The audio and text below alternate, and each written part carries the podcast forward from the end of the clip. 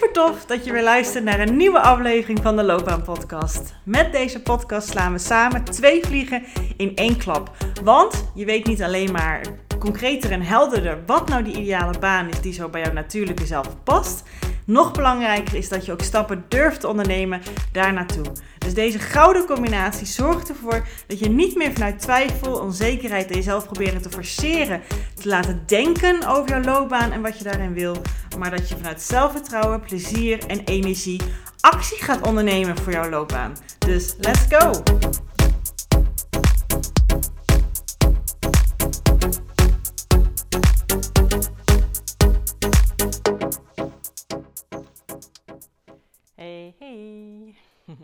Welkom weer bij een nieuwe aflevering van de Loopbaan Podcast. Ja, deze aflevering is geïnspireerd door een klant van mij. In ieder geval om te starten en daarna nog iets wat op vakantie is gebeurd om het even lekker in je hoofd te krijgen dat je een goed voorbeeld ervan hebt.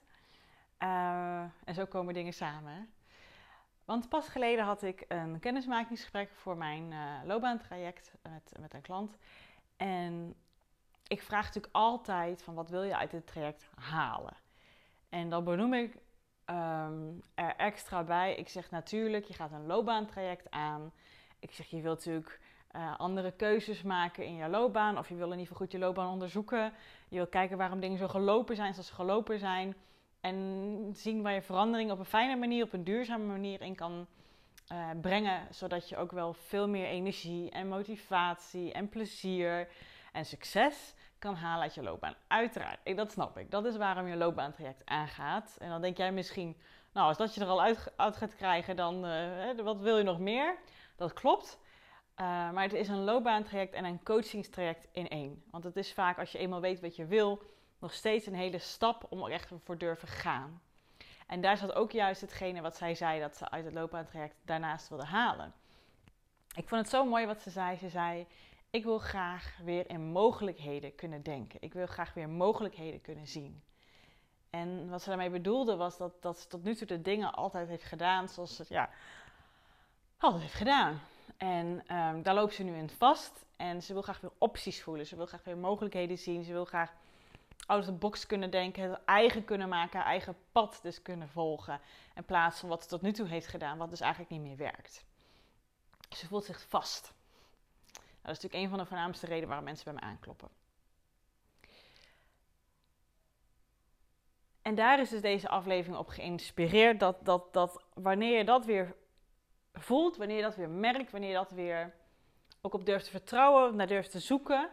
Um, dan was het in ieder geval voor haar succesvol. En dat is ook echt een van de doelen. En hoe je het ook wil benoemen die ik altijd wil bereiken met een loopbaantraject. Dat mensen weer vertrouwen in zichzelf gaan hebben. Dat ze weer durven te gaan voor wat ze wil. Dat ze de opties, de mogelijkheden die, die ze willen, dat, dat er zijn die uit hunzelf gaan komen. En niet afhangen van de mensen om je heen of de wereld om je heen of hoe je het voorheen gedaan hebt, ook al werkt het niet.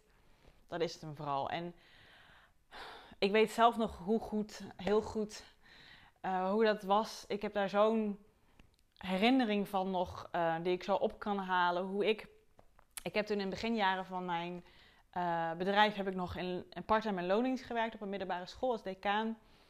En um, ja, ik weet nog, nou ja, ik, op een gegeven moment ben ik ermee gestopt omdat het zo niet bij mij paste, bij mijn karakter. Ik liep er ook zo op leeg en ik was zo al mee bezig om het toch ergens eigen te maken. Maar ik moest me in zoveel bochten wringen die niet bij mij pasten. Waardoor ik uiteindelijk ook in een burn-out gekomen ben. Um, en ik kan me nog in één heel goed moment herinneren dat ik wakker werd en dat ik echt dacht: Oh, ik heb er zo geen zin in. Ik ben niet eens opgeladen, ik voel me gesloopt en ik moet nu naar mijn werk.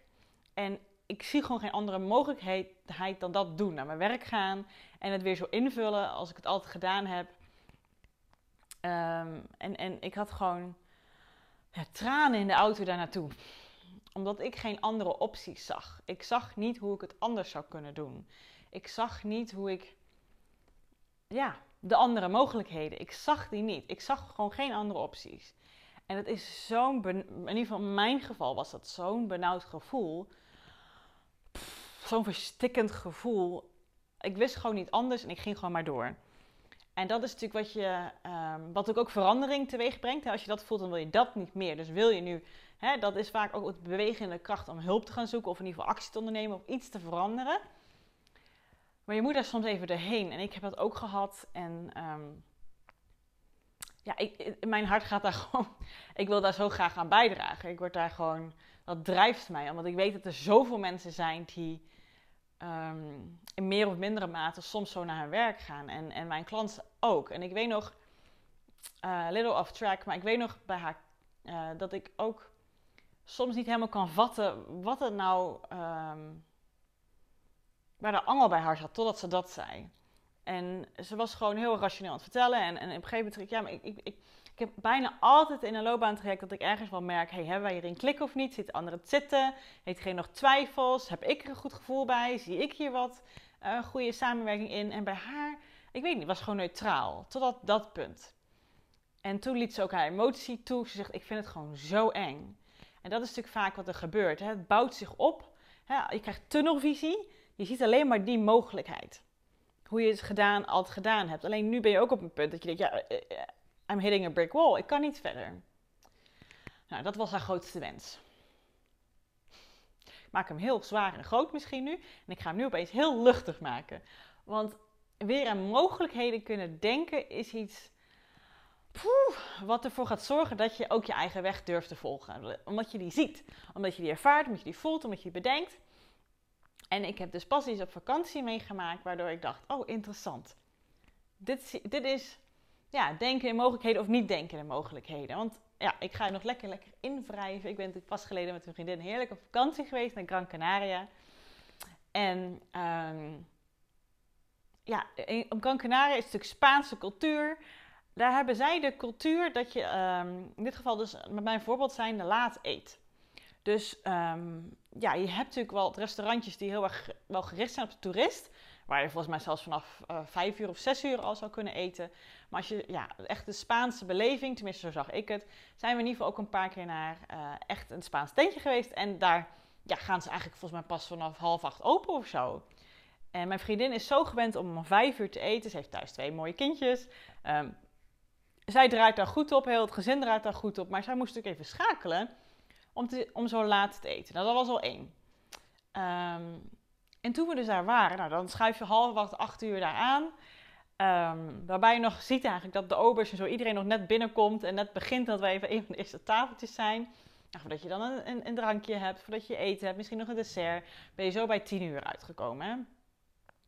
En uh, we hebben natuurlijk super gezellig en super mooie tijd. En dan zien we ook gezinnen daar, die ook aan het eten zijn. Met jonge kinderen, schoolgaande leeftijd kinderen, zeg maar. Dus in ieder geval hoe dat in Nederland zo werkt. En mijn vriendin, die, die, die, die was daar heel erg verbaasd over. Die snapte het niet. Die zei, maar dat is toch veel te laat voor die kinderen? Ze moeten toch morgen vroeg weer naar school? Hoe kan het nou dat ze om tien uur nog niet eens, eh, nog niet eens gegeten hebben? Dat ze straks nog naar bed moeten? Is het niet te dicht op elkaar? Hebben ze weinig slaap? En, en wij probeerden nog aan een ober eh, te vragen van, hoe werkt dat nou precies? Staat de tijden van de school hier dan later? Of, of, of worden ze homeschooled? Ik weet het niet, maar ja...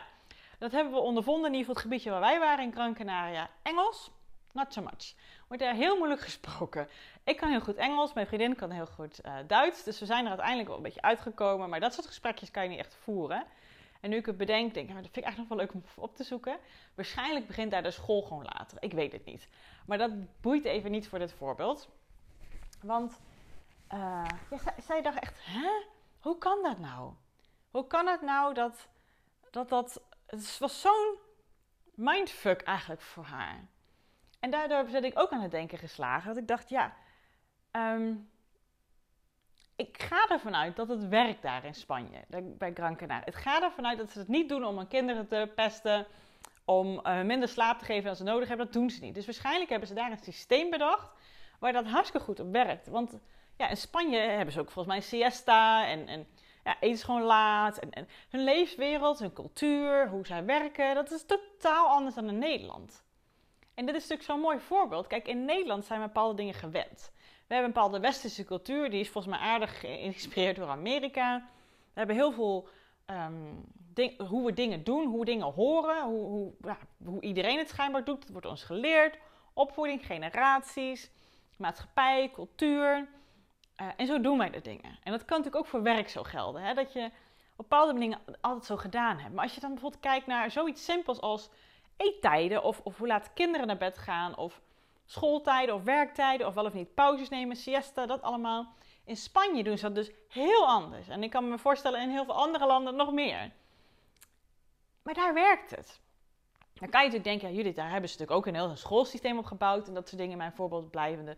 Dat klopt, maar dat wil niet zeggen dat je binnen het systeem moet blijven als het niet zo werkt. En het systeem kan ook gewoon zijn de tijden die je hebt in jouw gezinnetje of op jouw werk. Als het niet voor jou werkt, heeft niemand er wat aan. Jij niet en jouw werkgever of als je een eigen bedrijf hebt, jouw klanten ook niet. Dus hoe meer je het eigen kan maken, hoe meer je eigen padje erin kan volgen, hoe beter natuurlijk. Maar als je altijd denkt binnen de gebaande paden, hoe je het altijd gedaan hebt, dan kan je moeilijk verder denken. En natuurlijk, wat mijn klant die behoefte in had, dat is natuurlijk iets persoonlijks, wat bij haar daarin belemmert om uit haar angst te breken en meer in mogelijkheden te durven denken. Dat klopt. Maar ik dacht in deze podcast, dit is iets wat je misschien, als je al denkt aan dat verhaal op mijn vakantie, al zoiets wat hopelijk een beetje je mind open kan zetten. Want op werkgebied doen ze natuurlijk ook anders. In andere landen kan je andere voorbeelden bedenken. Maar als je soms eens gaat kijken naar andere inspiratiebronnen, niet binnen Nederland of Amerika, of, of maar dat je naar andere landen gaat kijken. Of schiet me nu ook wat te binnen dat bijvoorbeeld hoe ik opgevoed ben met mijn ouders, dat dat zo anders was uh, dan hoe mijn uh, man opgevoed is. En dat elke keer als er kwam, was er een mindfuck achter naar een mindfuck. Ik denk, oh, zo kan dat dus ook gewoon. Oh, dat vind ik eigenlijk wel fijner. En, dat geldt hetzelfde als met werk. Ik heb ook een aantal op verschillende organisaties gewerkt. En ik zie ook verschillende ondernemers dingen anders doen. En ik dan ook denk, oh, zo kan het dus ook gewoon. Hé, hey, dat zet mijn mind ook gewoon weer open. Als je die dingen niet op durft te zoeken, want het is wel een kwestie van durven, er open voor durft te staan, ja, dan weet je het nooit. En dan kan je nooit bij jezelf aftasten, hoe vind ik dat? Dus hoe meer je eens gaat kijken, hoe doen andere mensen dat buiten mijn manier van doen, een manier van opvoeding of cultuur op het werk, of, um, dan, gaat, dan, dan wordt er een soort van luikjes geopend in je hoofd die anders niet geopend zouden zijn. En dan durf je meestal wel ja, open-minded te zijn dan anders. Dit is natuurlijk even wel een praktisch iets, hè, wat ik al zei. Waarom dat voor mijn klant zo is, dat, dat is natuurlijk ook iets heel persoonlijks. Maar dit al is al heel waardevol, ook voor jezelf, om eens bij stil te staan. En sinds ik dit doe, is mijn leven en mijn uh, werk, uh, mijn ondernemerschap, vele malen leuker, luchtiger, plezieriger, betere kwaliteit dan hoe ik het ervoor deed. En dat is bij mij in heel veel kleine dingen, maar ook grote dingen zo doordrenkt. En dat zit hem al in uh, de tijd dat ik ontbijt, of wanneer mijn afspraken met mijn klanten zijn, of um, ja, dat ik mijn podcast op video doe. En, en nou ja, ik kan zo, ik zit even op de top of my mind dingen te bedenken. Maar dat, dat, het, uh, you do you, weet je. Het gaat er heel erg om dat je je eigen pad vindt, je eigen weg vindt. En dat vind je vooral door de mogelijkheden te kijken. En als je zegt, ik zit vast daarin, ga dus dan andere mensen die andere visies, andere upbringings hebben, andere culturen, is, is inspiratie zoeken. En dat opent je mind. En dan kan je eens gaan spitballen. Dan kan je eens gaan brainstormen. Dan kan je eens denken, oeh, weet je, als ik het helemaal eigen zou kunnen maken. Als ik mijn eigen padje, eigen weg daarin kan vinden. Maar ja, hoe zou dat dan kunnen zijn? En laat ik het eens proberen en kijken hoe dat, uh, hoe dat voor mij voelt. En, en, of het wel past in het systeem waar ik nu in zit. Of nou privé of werk is. En er kan zoveel meer mogelijk dan jij nu denkt. Je denkt waarschijnlijk, oeh, daar gaan mensen daarop reageren. Nee, dat is helemaal niet zo. Een klein stom voorbeeldje misschien is, um, omdat ik later ontbijt, begin ik ook later met mijn coaching. Um, en dan heb ik om half elf mijn eerste mogelijkheid. En om kwart over twaalf mijn tweede. En daar heb ik lang bij stilgestaan. Ik denk, ja, kan ik dat wel? Uh, uh, willen mensen dat wel? Want de meeste mensen die lunchen tussen 12 en 1. Nou, ik niet, ik lunch wel later. Omdat ik ook later ontbijt. Dus ik dacht, weet je, voor mij is het natuurlijk uh, lekker makkelijk mijn eigen bedrijf. Ik heb alleen maar zeggenschap en verantwoording af te leggen aan mij. Ik wil niet zeggen in lonings dat het anders is. Maar je kan in kleine dingen al heel veel autonomie pakken. Dus ik heb een kwart over twaalf mijn volgende optie opengezet. Daarna heb ik pauze en dan wordt het half drie en kwart over vier. Soms heb ik vier afspraken op een dag, soms afhankelijk van de soort afspraken, soms drie. Um, bepaal ik ook lekker zelf met mijn klant samen. En um, nou, tot mijn verbazing werd hij gewoon ingeboekt. Ja, mensen vonden het fijn, een beetje zo midden op de dag. Door, corona zijn er heel veel mensen die thuiswerken. Nou, die, die, die hebben dan een soort van een verkapte lunchtijd. Dat ze dan zeggen, nou, ik heb gewoon lang geluncht. Dan eten ze eventjes onderweg naar mij toe, of ervoor of daarna. Vinden ze eigenlijk hartstikke fantastisch. Nou, als ik dat niet had geweten, ja, als ik niet had geprobeerd vooral eigenlijk, als ik niet zo ver had durven denken, ja, had ik het nooit geweten. En het is iets wat bij mij heel goed werkt. Hij is vaak een van de populairste die iedere keer ingeboekt wordt. Bewonderingswaardig. Ja, het is gewoon heel interessant. En zo kan je het klein en groot doen. Maar begin bij de kleine dingen, zodat je steeds meer durft te denken op die manier. En zo ga je dat steeds meer uitdragen naar andere dingen. Dat je iedere keer gaat denken, hoe kan ik het eigen maken? Als alle mogelijkheden van de wereld nu er zouden zijn, als ik daaruit kan kiezen, want dat kan je ook natuurlijk, je limit je natuurlijk alleen maar met je hoofd. Um, wat zou ik, hoe zou ik het dan net wat meer aan willen passen op mij? Dat ik heb me net, of, of in ieder geval dat je denkt in theorie dat het zou kunnen. En dan ga je het dus in de praktijk uitproberen. Om te zien hoe het gaat, hoe er wel of niet gereageerd wordt en wat ik net al zei.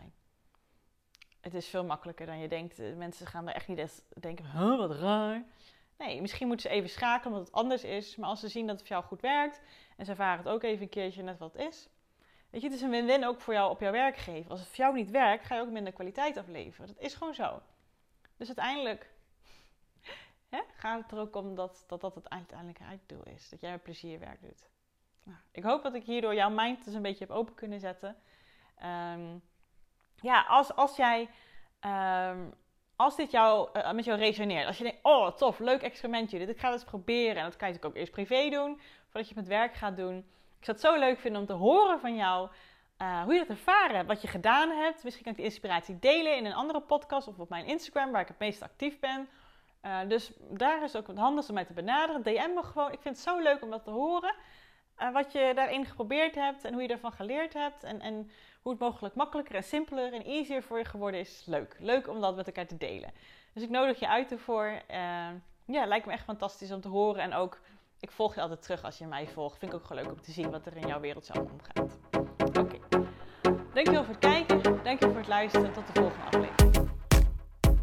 Geweldig dat je deze episode hebt geluisterd om meer regie over jezelf en je loopbaan te nemen. En ben je dan ook eens ready for the next step? Dan kan je een gratis check-up gesprek inplannen in mijn agenda. Want in dit gesprek kan je al jouw persoonlijke vragen en strubbelingen met mij delen, zodat ik er met jou mee kan denken en kan sparren met jou. Nou, dat doe je door als eerste naar www.keuzeflow.nl/slash checkup te gaan. Deze link vind je ook gewoon in mijn show notes. Daar vind je ook alle links naar mijn socials. Dus als je het super tof vindt om mij te volgen in het leven als loopbaancoach en haar klanten met alles wat erbij komt kijken, vind ik het dus hartstikke leuk om ook jou terug te volgen. Hey, en als laatste vraagje aan jou. Vond je deze podcast waardevol? Nou, dat hoop ik wel als je tot zover luistert. Wil je dan alsjeblieft, als je dat nog niet gedaan hebt, deze podcast reviewen of sterren geven die jij vindt dat het verdient? Want zo vinden meer mensen deze podcast en kan ik ook deze waarde met hun delen. Dankjewel alvast en tot de volgende aflevering.